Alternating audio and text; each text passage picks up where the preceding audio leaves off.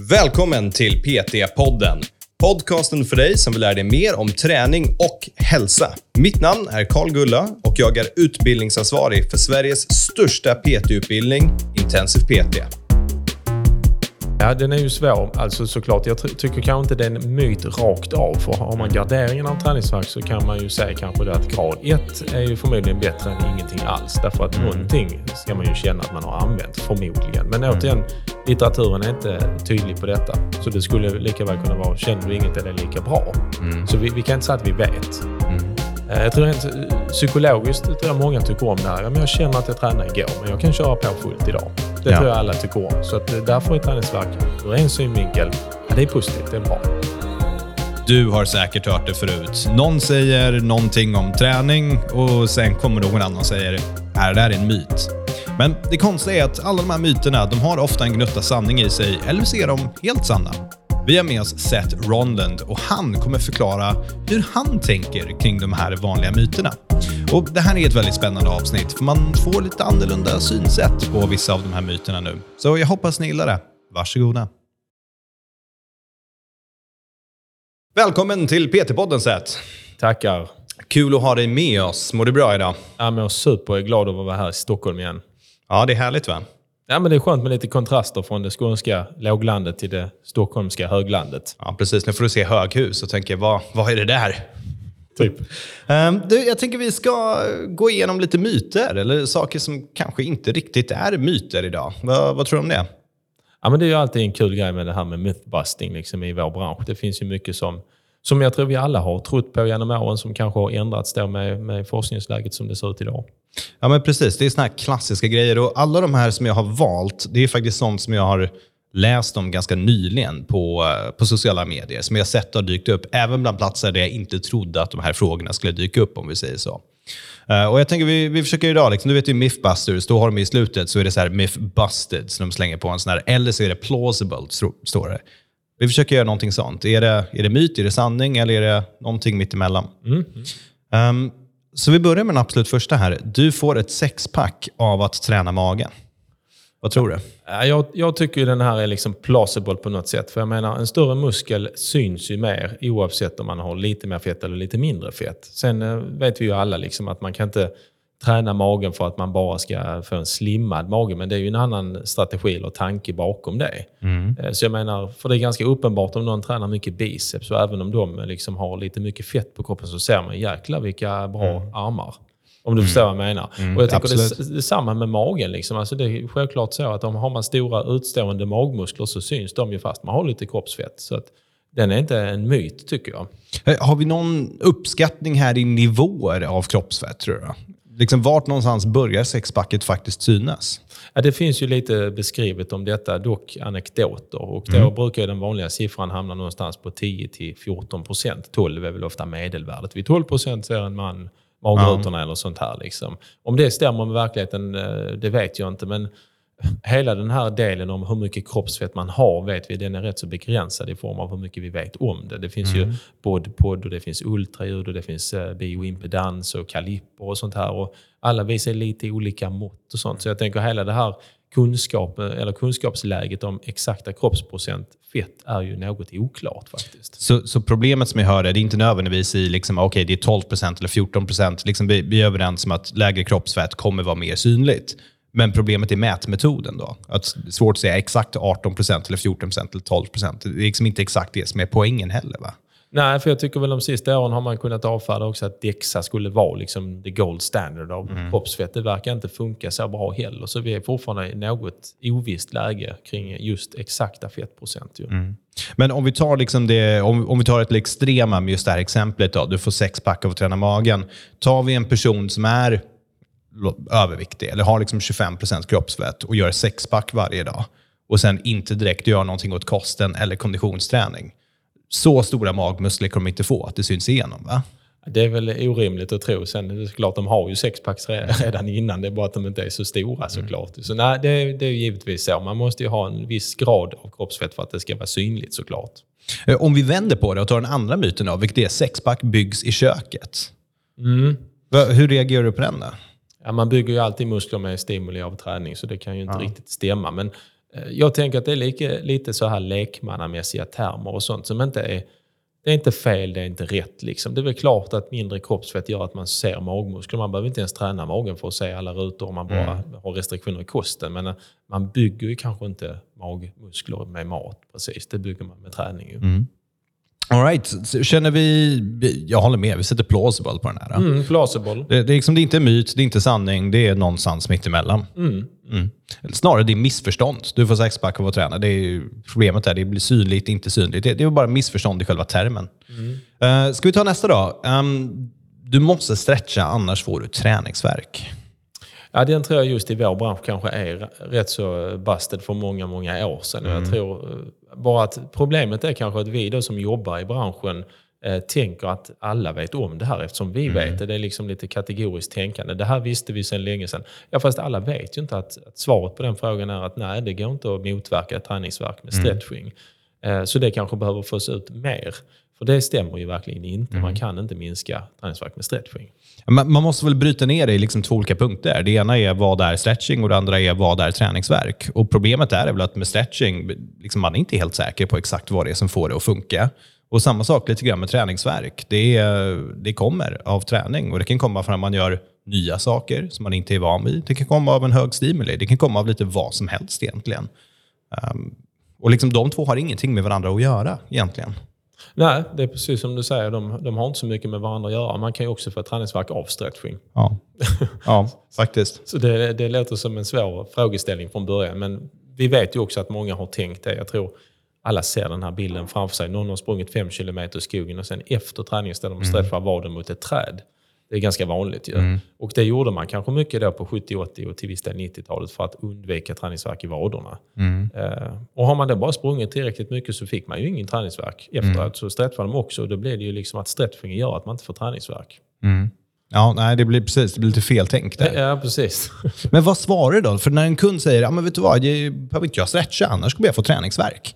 Hur förklarar du det här på ett enkelt sätt till en kund så att de ska förstå? För jag antar att du, du, du tar inte upp din bok då och liksom slänger ner sig nu ska jag förklara träningslära och hur det här, allt det här funkar för dig. Utan du förklarar på ett enkelt sätt för dem.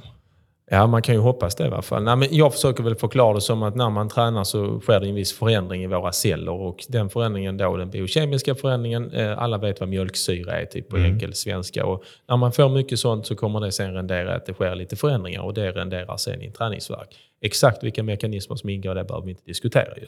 Men mm. det är typ så och det är egentligen en tidsfråga. Den här träningsverken kommer uppstå om man får ett sånt stimuli och den kommer försvinna inom en viss tid. Det kan ju vara 48 timmar, 72 timmar. Eh, stretching kan ju inte liksom ändra någon biokemisk markör i en cell utan mm. det har med andra saker att göra. Så att därför finns det ingen mening att stretcha av den anledningen. Däremot kan man ju stretcha för man tycker det känns skönt. Mm. Det kanske är en skön avslappning efter träningen men förvänta dig inte att träningsverken försvinner. Mm, ja, problemet blir ofta när man förklarar det här för kunden, så blir frågan men varför ska man stretcha då? Ja, och det är fortfarande en bra fråga tycker ja. jag, som vi kanske ska bemöta i en annan podd. Ja, då tar vi det nästa gång. Men vi, vi håller oss till träningsverk-temat då. Uh, om vi börjar så här, stretcha bort träningsverk. Den, är rätt busted då, mm, mm. Den, den, känner vi, den är klar. Um, men vi håller oss till det här temat. Då har vi ju träningsverk betyder att man har tränat bra. Och Det här tror jag är en fälla som många kommer in i i början. De känner, ja, nu har jag, jag, jag, jag tränade så hårt, jag har sån träningsverk idag, det är galet. Men det behöver inte heller nödvändigtvis vara sant. Äh? Nej, och det här är ju lite komplext på det sättet att eh, om man nu befinner sig i branschen och många kollegor så kan man ibland höra då att någon har en klient som alltid får träningsverk efter träningen och då tycker klienten det är ett mått på bra träning. Mm. Eh, Medan forskningen kanske inte lutar åt att de bästa anpassningarna sker med väldigt mycket träningsverk. Mm. Så att det, det är svårt det här för att en kund kanske tycker att det är väldigt bra att känna wow, jag har tränat hårt, jag känner att det här kommer ge skillnad på min kropp. Mm. Medan de inte får träningsvärk, ja, då kanske inte var så bra. Så jag förstår på något sätt att lekmännen tycker att det är bättre med träningsvärk än utan. Mm. För att det visar på att jag har gjort någonting. Men så ser inte litteraturen ut riktigt grann.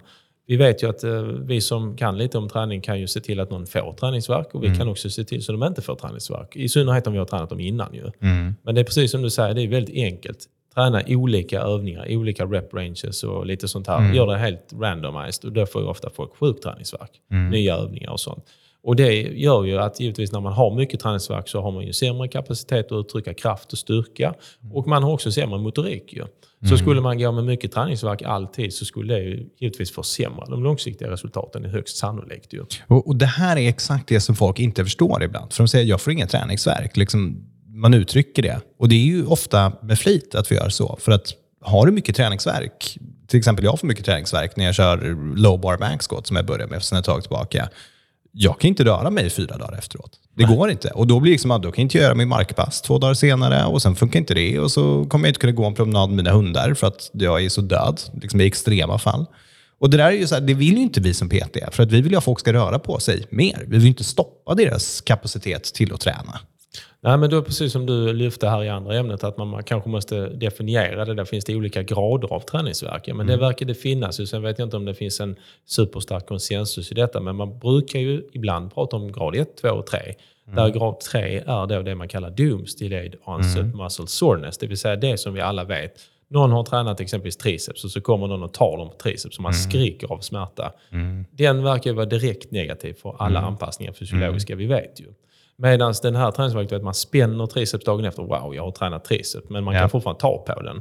Och sen nivå ett är liksom, ja men där är någonting. Jag kan inte säga att jag är trött men jag känner att jag har använt den. Då, då verkar ju någonstans mellan ett och två vara rimligt. Precis, och det här är väl ändå folk, även om du håller med mig, men jag upplever många kunder, eller vissa kunder, vill komma så nära nivå 3 som möjligt där. Det, då känner de, nu jäklar har jag tränat. Men vi vill ju inte det med våra kunder. Och särskilt om man har en ny kund, eller nu någon som har haft uppehåll ett tag. Eh, man tar det väl, liksom, lite lugnt i början med dem. Så är det, ja, det är för att du ska kunna funka i din vardag också. Nej, men jag håller helt med. Jag menar, det kan ju skrämma bort folk som inte är vana vid träning, att, Mm. att de får dums. Liksom. Det är ju ingenting som jag vet någon som gillar egentligen, för att det gör ju skitont. Alltså, man kan ju knappt sätta sig ner. Ja. Och det har vi alla fått ett antal gånger som tränare, tror jag. Vi testar nya program och så Får det vidare. konstant upplever jag. Och, och där ska man ju helst skruva på någon parameter som man inte får det. För precis som Mm. du säger, det är ju inte superpositiv upplevelse. Liksom. Nej, precis. Så det begränsar utveckling och det, det, nej, det är inte den roligaste känslan. Det kan vi gärna rädda våra kunder. Så vad, vad säger du på den här? Liksom, träningsverk betyder att du har tränat bra. Ja, den är ju svår, alltså såklart. Jag ty- tycker kanske inte det är en myt rakt av. För har man garderingen av träningsvärk så kan man ju säga kanske det att grad 1 är ju förmodligen bättre än ingenting alls. Därför att någonting ska man ju känna att man har använt, förmodligen. Men återigen, litteraturen är inte tydlig på detta. Så det skulle lika väl kunna vara, känner du inget är det lika bra.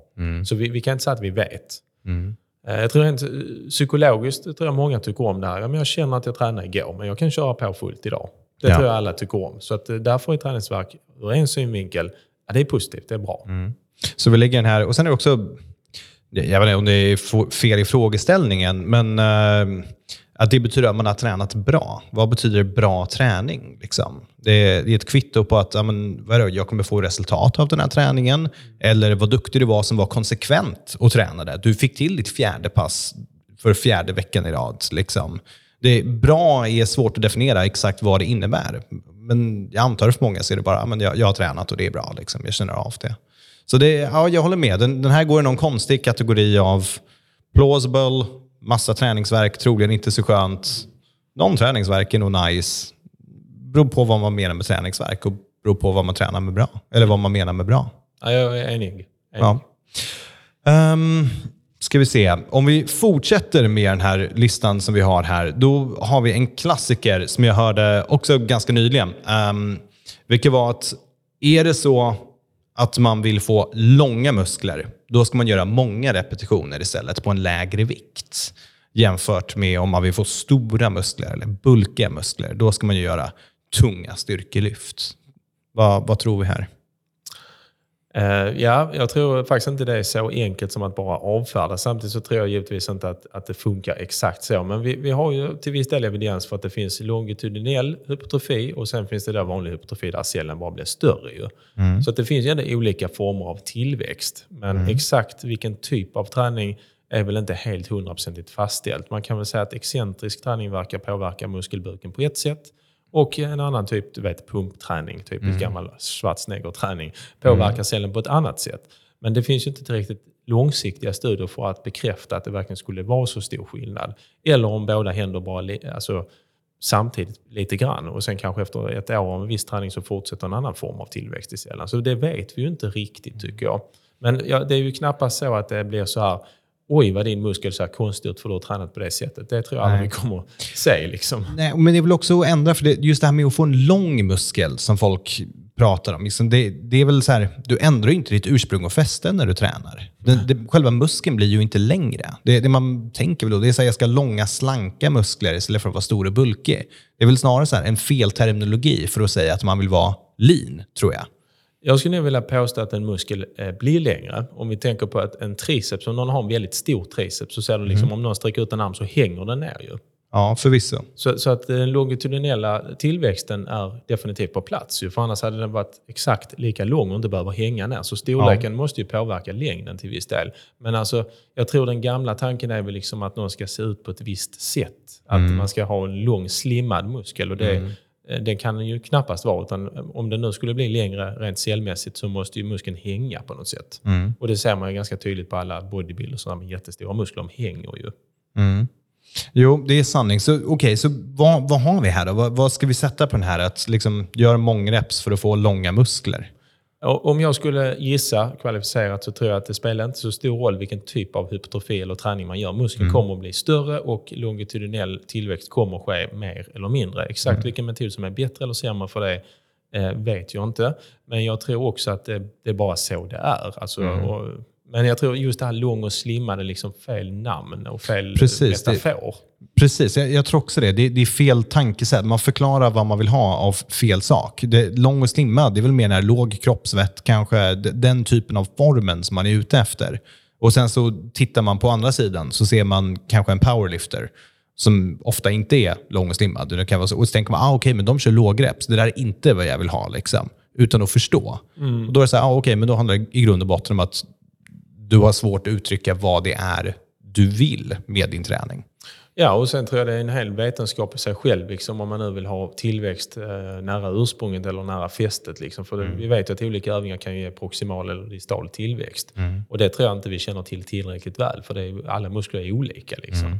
Så att, eh, men jag tror inte att det finns ett sätt att träna på för att bli lång och slimmad. Jag tror därmed att det finns många sätt att träna på för att få en vad ska man säga, längre muskel. Mm. I varje fall, eh, det blir en längre längd på muskeln. Ja, ja, spännande. Kul att höra de tankarna. Um, jag, jag, skulle säga om vi fortsätter in här så har vi själva grejen med muskler och då har vi en till som är klassisk med jag vill inte styrketräna för att man blir stor av styrketräning. Mm. Mm. Och här måste vi till viss del också säga att det finns ju faktiskt folk som har väldigt bra gener när det gäller styrketräning. Och jag vet att det klassiska exemplet där det kommer in Eh, någon som ofta identifierar sig som kvinna till träningen och de vill inte bli muskelberg. Det är i alla fall mm. tror jag många PTs känner igen den här mm. typen av klient. Kan det då stämma att de faktiskt får väldigt mycket tillväxt på minimal träning? Ja, det kan det. Mm. Eh, vi har alla sett genetiska exempel. Kommer in i gymmet och lyfter 150 bänk efter tre månaders träning liksom, mm. och får väldigt mycket tillväxt. Jag, jag skulle nog inte säga att det är jättemånga. Men kan det finnas? Ja, det tror jag. Mm. Att de har viss genetisk potential för att få tillväxt och då kanske de känner sig vad ska vi säga, bulkiga. Mm. Ja, jag gillar ändå hur du benämner det, för vanligtvis när kommer man säga nej, det, det, är så få människor som kommer få, liksom, du har börjat styrketräna, bang, nu blev du extremt vältränad och bulkig. Men det är sant som du säger, att för vissa personer kommer det gå betydligt mycket fortare. Så om en kund säger på typ en konstellation, nej jag vill inte bli för stor, då är det nog ganska respektlöst som PT att bara avföra det och säga, nej det kommer du inte bli. Ja, men jag tycker det. Man får ändå ta allting i beaktning och det finns ju alltid de här människorna. Och framförallt kanske de beskriver att jag tränade styrketräning för tio år sedan och jag fick en väldigt bra tillväxt. Man får ändå tro på det de säger. Mm. Och då kanske man ska vara lite försiktig med just hypertrofiträning. Man kan ju träna folk som man får mindre hypertrofi i varje fall. Genom att styrketräna kanske inte går så nära failure och sånt. Och kanske mer snabba reps med mer övningar som träffar flera muskelbukar samtidigt istället mm. för isolerade. Så här. Och sen får man ju se var det leder oss. Ju. Mm. Ja, nej, det, din kunskap om träning är brutal. Som faktiskt in, vi satt ju och tog en kaffe nyss och sen hoppade vi rätt in i det här. Du har ändå klockrena svar på precis allting. Ja, det, jag låter kanske övertygande, sen frågar om jag är det. Ja, men du, och låta själv. Nej, men du har ju pluggat här så jäkla länge, så det förvånar mig inte att mycket av den här kunskapen sitter. Um, du ska få en sista grej nu, som en liten surprise innan vi rundar av. Och Det är att du ska få um, reda ut en egen myt. Du ska få bestämma dig. Finns det någon myt som du är så här, den här vill jag aldrig höra igen. Den vill jag reda ut nu, en gång för alla. Någonting du är lite extra irriterad över. Eh, ja, såklart, ett problem är att man är ganska nyanserad i, sin, i sitt resonemang. Och det blir ju ofta att det blir ofta inte svart och vitt, det blir ofta grått. Ju. Men jag tänker välja en som jag tycker är lite mindre grå. Och mm. då tänker jag muskelknutor eller triggerpunkter. Mm. Det, den, den är rolig. Ja, eh, för hela det här liksom resonemanget om att en muskel kan få en viss knuta då som behöver lösas upp med behandling eller vad det nu är, ligga på en boll eller något sånt här. Var kommer det ifrån och var finns evidensen för detta? Ja, då får vi säga att det finns oerhört lite som talar för att det finns triggerpunkter. Mm. Det finns väldigt mycket som talar för att vissa delar på kroppen är mer känsliga än andra. Jag tycker det bästa exemplet är exempelvis muskler på skulderbladet. Mm. Vi har ju ganska eh, tunn bindväv över skulderbladen. Vi har mycket tjockare över exempelvis ländryggen. Mm. Så man kan ju prova att trycka någon på ländryggen med en tumme. Hur många tycker det gör ont? De flesta säger att det känns mm. ingenting. Man får typ lägga hela sin kroppsvikt in i dem. Mm. Men så fort man lägger exempelvis tummen på typ infraspinatus eller något sånt här, mm. då känner folk genast wow, det här känns riktigt mycket ju. Ja. Och är det en triggerpunkt? Nej, men det är för att man har mer känslighet för det är inte lika hög densitet på bindväven. Eh, men då blir det ju problematiskt därför om någon har ont i en axel och sen tror någon på tron att det finns triggerpunkter eller att muskler har blivit knutor eller något sånt här. Och när mm. det skulle gå till rent fysiologiskt känns det orimligt. Så måste man då mjuka upp att det är en punkt där som gör att muskeln inte funkar mm. som den ska. Det retar jag mig ganska ofta på eftersom det handlar mer om känslighet. Och mm. På vissa ställen i kroppen har man väldigt hög känslighet. Ju. Eh, och de som hittar på hela fenomenet, eh, Travel och Simon som skrev den här boken liksom om just triggerpunkter, så hade man ju en studie där man tittade på om de kunde liksom validera sin, eh, mm. sin utvärdering.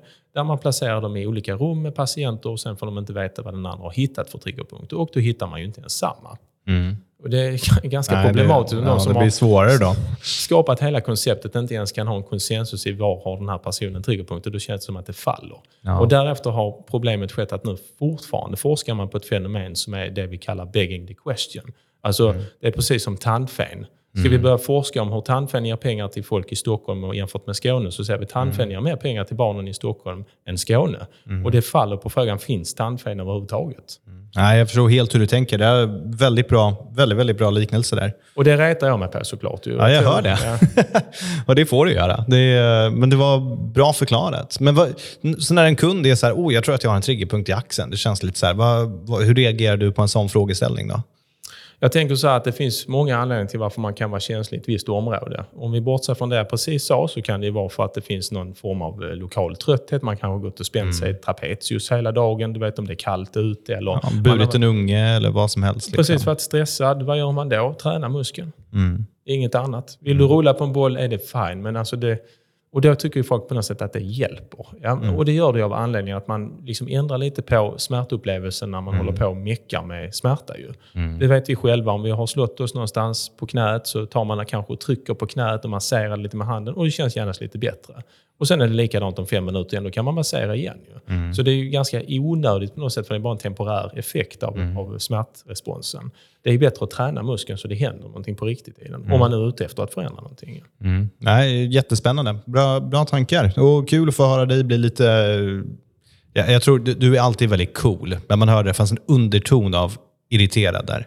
Cool, lite irriterad. Så det, det, är bra, vi fick lite irriterad. Ja, och då måste vi fråga oss, Carl, varför blir man lite irriterad? Ja, men det här handlar ju framförallt om våra klienter eller kunder. Mm. För att jag tycker att inte lösningen, men väldigt mycket av det vi ser som ger förbättringspotential till hälsan handlar ju om träning. Det handlar inte så mycket om att folk ska lösa ett specifikt problem med en viss muskel som har låst sig eller blivit en punkt på. Mm. De behöver träna. Och när folk hamnar i något jävla träsk, sorry språket, av att bara ligga och rulla på en boll när vi vet att de borde jogga lite grann, de borde mm. lyfta lite vikter, så stannar de på något sätt att det blir bara sämre och sämre för de gör aldrig någon träning. Ja. Och det retar mig liksom, för att vi som tränare vill ju leverera det som vi vet ger mest för hälsan. Och det är träning, det är inte rulla på en boll. Mm. Ja, det blir den här rörelserädslan börjar ja, typ. komma in och då blir vi inte glada. Nej, det blir inte bra för branschen. Mm. Nej, ja, mycket bra. Bra summering. Hörru sett, kul att du var med. Så är du varmt välkommen tillbaka nästa gång du är i storstan. Stort tack.